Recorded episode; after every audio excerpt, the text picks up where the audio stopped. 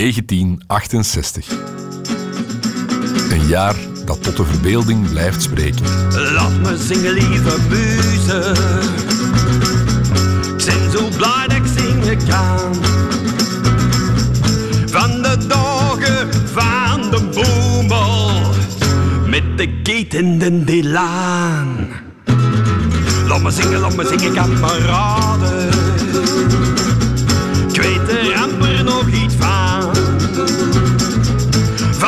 Zomer dat de liefde mocht. De liefde tussen vrouw en vrouw en man en. Mocht het allemaal anders gelopen zijn, had 68 in België het jaar van de schoolstrijd kunnen worden. Of Leuven-Vlaams. Maar een combinatie van kwaad opzet en stom toeval zorgde ervoor dat 1968 voor altijd bekend zal staan als het jaar dat België een zomerlang het homohuwelijk legaliseerde. En dat het land zelfs even ophield te bestaan.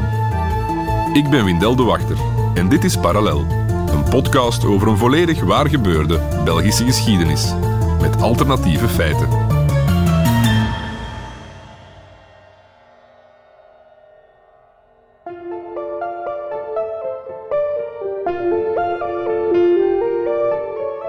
Protestmarsen tegen nucleaire winters en tankkolonnes tegen de Praagse lente. Stakende arbeiders voor meer loon en protesterende studenten voor meer inspraak. In 1968 bereiken de spanningen die zich al decennia opbouwen in de westerse maatschappij een kookpunt. In heel Europa komen anarchistische en revolutionaire bewegingen in actie tegen de goede orde en de status quo. Ook België kan niet achterblijven. Twee underground bewegingen zien er in het begin van dat jaar het licht. Ik sprak met beide oprichters. Hier bij mij allereerst Stefan Verschoren van de anarchistische avant-garde beweging Focus. Hè, met die speciale schrijfwijze Focus, F-A-U-X-C-U-S. Nee, nee, s- sorry, ik was van, van, van Forum, niet van Focus. dat zou je wel willen dat je van focus wordt. gij. Ah ja, de oprichter van Focus, dat bent u dus. Excuseer. Want u bent Stevensmout. Maar er is dus inderdaad ook Forum, het in hetzelfde jaar opgerichte revolutionaire anti-establishment collectief, dat ook met FO, F-A-U-X eh, geschreven wordt. Nu klopt het, hè? Ja, ja, maar, ja, maar nu heb je wel de omschrijving omgedraaid. Ja. Pardon, maar nee, Nee, dat- Jawel, jawel. ah, Ja. Maar jullie waren twee anti-establishment bewegingen opgericht met als doel de goede orde te doen beven, maar zonder een specifiek manifesto. Klopt dat? Mag ik dat zo zeggen? Over hen wel. Er was toen ook al wat animositeit tussen beide groeperingen. Hè? Kijk, hè, als, wij, als wij begonnen met een sit-in tegen de, de oorlog in Vietnam, dan begonnen die van Focus plots met een read-in eh, tegen de invloed van de katholieke kerk. Maar het is nee, nee, dood. nee. Wij deden een happening die de objectivering van het menselijk lichaam parodieerde. Maar je stond godverdomme vijf, vijf uur in uw blote object, object, object te roepen voor een beauty salon. Oh ja, en focus moest dan plots wat extremer gaan. Ja, en letterlijk beginnen vogelen op het podium van dat poppentheater. Allee.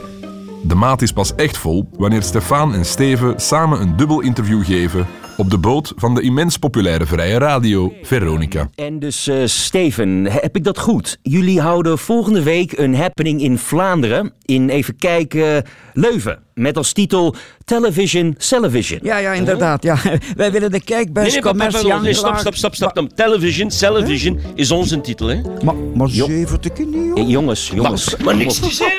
Maar zie hier, kijk. We hadden volgende week een art attack aan het Museum van Schone Kunst. Kijk, wat staat er hier? Nee, ik vraag het u. Ik vraag het u. Wat staat er hier? Gedrukt. Jongens, hey, wat staat er jongens, hier? jongens. Ah, wel, zeg het. Nou, alsjeblieft, Television, zeg. television. Van Nou jongens, ehm, ik ga door naar het volgende liedje.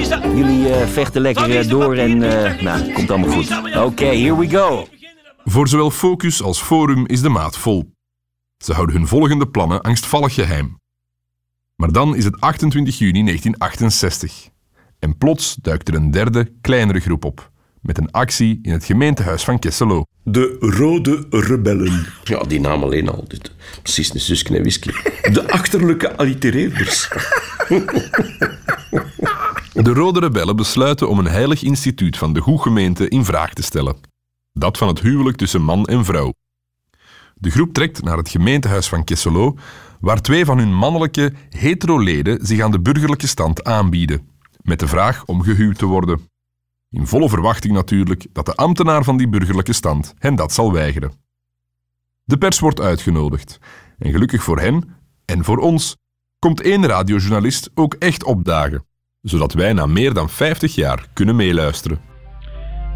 Eh, met deze actie willen wij de discriminatie van homofiele mannen en vrouwen Het aankaarten. is een gedurfde stunt van de Rode Rebellen. Een stunt die plots helemaal anders uitdraait dan verwacht. Want hun stunt, die lukt. De weigering ja, om deze twee mannen te huwen is een dis is discriminatie. Is een... volledig begrepen, want ik... Jean-François! Jean-François! Wat? We hebben hier toch een probleem, hè? Ja, wat, wat is het probleem? Freddy Bulsara, de ambtenaar van de burgerlijke stand in kwestie, blijkt een fervent lezer van het Staatsblad. En daarin staat, in juni 1968, half verborgen tussen een reeks doodzaaie uitvoerende besluiten, heel duidelijk: het huwelijk in België is toegestaan voor mensen van hetzelfde geslacht. Maar het feit dat dat plots kon, was natuurlijk het stiekeme werk van. Forum. Focus. Maar, Ja, goed, maar jullie beide bewegingen hadden achter de schermen gebruik gemaakt van connecties binnen de prille regering van Gaston Ijskes. Dat klopt, hè? wij kenden een secretaresse. En wij hadden een administratief medewerkster. En jullie profiteerden allebei van de legislatieve chaos vlak voor de zomervakantie om een aantal, eh, laten we zeggen, aanpassingen te maken in de wetteksten. Zoals onder andere een verandering van de officiële benaming van landbouwmaten en gewichten. Ja, ja, ja, ja. Kijk, 100 liter koeienmest moest vanaf 1 juni 1968 één Lyndon B. Johnson genoemd worden. Lyndon B. Johnson. Dat was de Amerikaanse president die zijn land in de oorlog met Vietnam hield. En de kop van Jut was voor links. En ook het democratisch proces hebben jullie dan licht gewijzigd, hè? Ja, ja, ja, wij hadden erin gezet dat vanaf 2025 de verkiezingen met schaar, steen, papier beslecht steensschaar. moesten... Bladsteenschaar. Ja. Maar, maar in dit verhaal belangrijker, jullie beide bewegingen voegen in een technisch amendement over huwelijksadministratie dan ook het homohuwelijk toe. Ja, wat wisten we niet dat dat ging lukken, hè. Maar dat was voor ons ook verschieten. Hè? Het ene moment schrapt je één woordje in de grondwet en het volgende moment heb je van je eigen land eh, een van de meest progressieve plekken ter wereld Ja, gemaakt. maar ik weet niet of veel van ons daar echt zaten op te wachten. De meeste Hooligan-mensen toen, ja, die moesten elkaar nog vinden. Laat staan dat ze een beetje in het openbaar gingen trouwen. Weet je, dat was twee jaar voor die Stonewall-rellen, hè? Ja, die, die politiebestorming van die gay party in met- Amerika. Voilà, ja, van een echte beweging was het, was er toen amper sprake. kijk, O- Olibe mensen hadden toen eigenlijk veel meer nood aan, eh, aan een goede antidiscriminatiewet. Ah, voilà. Of een oplossing voor kinderbijslag-issues, ja, of, of faire successierechten. Of een einde maken aan het gepest van, van, de, van de flikken. Ja. Met agenten die op het einde van de maand hun quota kwamen halen bij, in parken, ontmoetingsplaatsen, homobars. Ja, maar allee, homoseksualiteit in die tijd, dat stond nog gewoon als een psychologische aandoening omschreven, hè? In, in, in een medisch handboek. Dat mocht ook een keer stoppen. Ja, en successierechten. Dat heb ik al gezegd. Ja? Ja. De Nederlandse piraatzender Radio Veronica is de eerste met het nieuws. Dat was Mien, waar is mijn feestneus? Speciaal voor onze Belgische vrienden en vriendinnen die vanaf vandaag met elkaar mogen trouwen. Ja, jullie horen dat goed. In België lijkt het erop dat homoseksuelen vandaag met elkaar mogen trouwen. Heel de steden, heel de landen stonden allemaal in brand.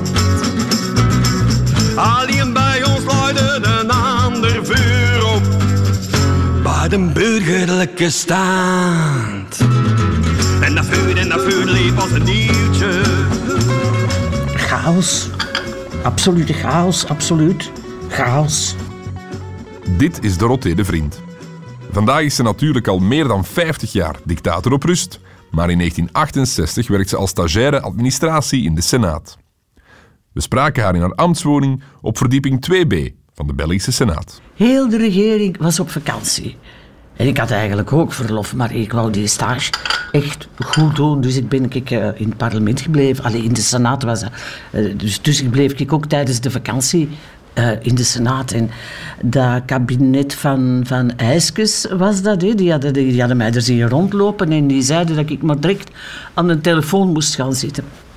Mannetjes, drie dagen heeft me dat gekost voordat ik de meeste regeringsleden kon bereiken. En dan nog eens een week voordat ze allemaal geloofden dat het echt geen grap was. Nie- niemand, echt niemand begreep wat er juist was gebeurd en, en hoe dat, dat precies had kunnen gebeuren. Onze grondwetspecialist die was gaan treinspotten in de Vogezen en die, die konden we niet bereiken. Niemand in de regering weet wat te doen. En niemand durft Boudewijn te bellen in zijn buitenverblijf in Spanje. Wat dacht je? Het schrik dat Fabiola zou opnemen. Leg het daar maar eens aan uit. Terwijl de regering verwoede pogingen doet om de wetgeving terug te draaien, begint zich in België een vreemd schouwspel te voltrekken. Een volstrekt ongeloofwaardig percentage ambtenaren van de burgerlijke stand meldt zich plots ziek. Enkel in de gemeentehuizen van Kesselo en Merksem kloppen een paar dappere, progressieve ambtenaren overuren. Ja, om eerlijk te zijn, de meeste koppels van hetzelfde geslacht die kwamen trouwen waren studenten en die deden dat meestal om hun ouders te pesten en te provoceren. Tot ze ontdekten hoe moeilijk het was om te scheiden. Dat was in die tijden een pak moeilijker dan trouwen. Eind juli is België dan plots wereldnieuws. Wanneer de paus zijn encycliek Humanae Vitae publiceert, staat er een extra hoofdstuk in, gewijd aan de normvervaging in België. Jij uh, Boudewijn al eens horen vloeken? Heel katholiek klonk dat niet, hè? Ik ben uh, een paar van die woorden achteraf moeten gaan opzoeken. Ik begreep er niks van. De diepgelovige koning en koningin voelen zich diep beledigd. Ze zijn ziedend en weigeren naar België terug te keren, voor de wet is aangepast. En terwijl de nieuwe regering eindelijk samenkomt om te bespreken hoe ze paal en perk kunnen stellen aan die hele toestand, gebeurt er nog iets.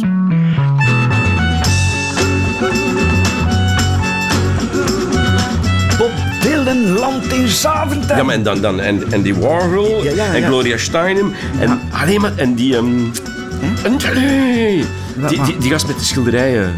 Ah, die... Oh, jongens. Die raar schilder- Ja, een paar van de Stones Ja, maar ook. dan eerst Bob Dylan. Ja, ja, die ja. van Pink Floyd. Die waren ja. aan het toeren in België en die hebben blijkbaar allemaal opgebeld. Ja, maar ik ben, ik ben, ben er zeker, ik ben er zeker van dat die twee van, van het Zeppelin, dat die, die toen ook effectief getrouwd zijn. Ja? En die gast, alleen maar, alleen, hoe heet hem nu weer? Die gast met die schilderijen, die, die ook, hè? België was hot. België was happening, man. Vooral Kesselo en Merksem natuurlijk. Song's called Other Side of This Life. In Merksem houden de Who en Jefferson Airplane een openluchtconcert voor het kasteeltje in Boekenborg Park. En in Leuven vernielen twee Rolling Stones een hotelkamer. Dingske schrijft eh met Tura Arme Joe. Allee? Jimi Hendrix. Ja, ja, ja, ja, Jimmy. En, en eh, Warhol en Jeff Gerards, die...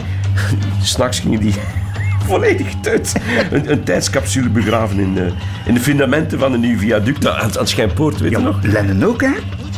Maar nee, maar die, maar die, die zat in het cachot, hè. Oh, zat hij mee in het gevangen?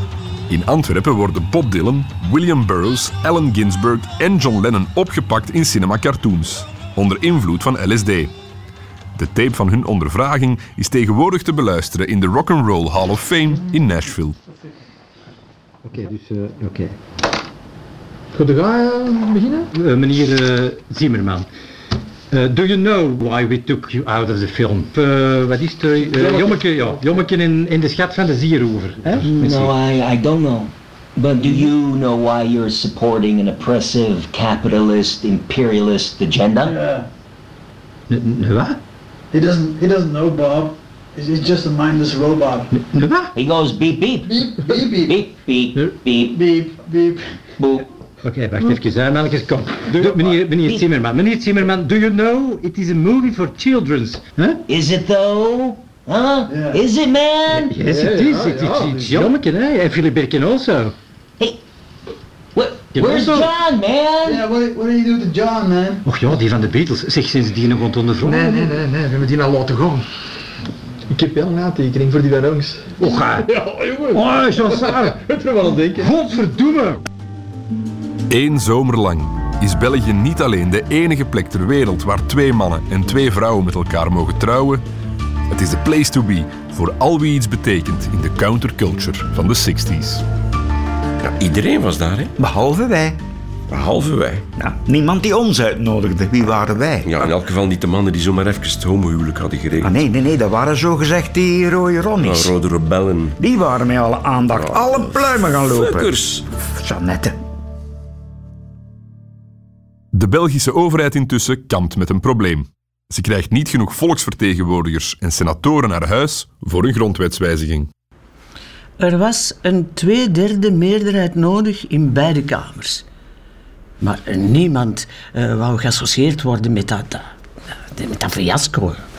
Op het kabinet la- lag het vol met telegrammen met daarop. Zie maar dat je het geregeld krijgt, maar laat mij er buiten. Enfin, met eh, wat minder vriendelijke woorden. Er zat toen eigenlijk nog maar één ding op. De regering zoekt en vindt twee generaals van het Belgische leger. En dus valt op 29 augustus 1968 live op de radio het einde van België te volgen. De militaire kolonne vertrekt weer en twee generaals marcheren. Ik zie twee generaals nu plechtig de Senaat binnenmarcheren, alwaar zij opgewacht worden door de premier en de enkele aanwezige regeringsleden. In het halfrond zullen zij officieel laten weten dat er een staatsgreep is gepleegd. Het wordt een ongemakkelijke machtsoverdracht hier in het lege halfrond. En er bestaan natuurlijk ook geen protocollen voor. En dan, ja, dan lijkt het nu zover. De bestuurlijke, gerechtelijke en vooral wetgevende macht zijn nu in handen van een monocraat, een dictator. Diens naam is Dorothee de Vriend. Ik was blijkbaar de mens waarvan ze het meest schrik hadden dat hij de macht zou willen houden. Maar eigenlijk was het wel slim, hè? Want die andere stagiair die er rondliep, is later bij de Volksunie gegaan. Stel je maar eens voor. De dictator of dictatrice, nee, dictator toch, die ondertekent nu één enkele noodverordening. Eén document, aangereikt door de voorzitter van de Senaat. Dorothee de Vriend draagt de macht nu officieel weer over aan de regering en de soevereiniteit natuurlijk aan onze vorst. Vive le roi. Dat Vive le roi. was dan dat, eh, denk ik. 1 uur en 24 minuten lang houdt België op te bestaan. Enkel en alleen om langs het parlement om het homohuwelijk te vernietigen. Ik was dan wel dictator af, maar ik heb mezelf eerst een royaal staatspensioen gegeven. Met onmiddellijke ingang. En ik gebruik hier nog altijd de tussenverdieping van het parlement als domicilie. Ad perpetuum. Het is hier echt rustig in de zomer, hè? Allee, buiten een paar stagiairs.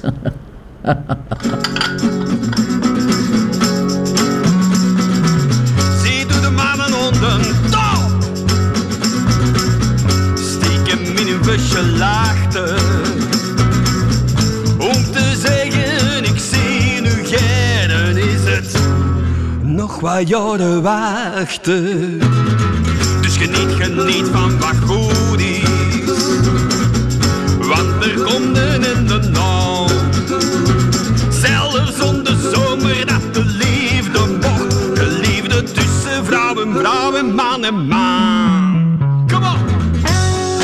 De crisis is opgelost.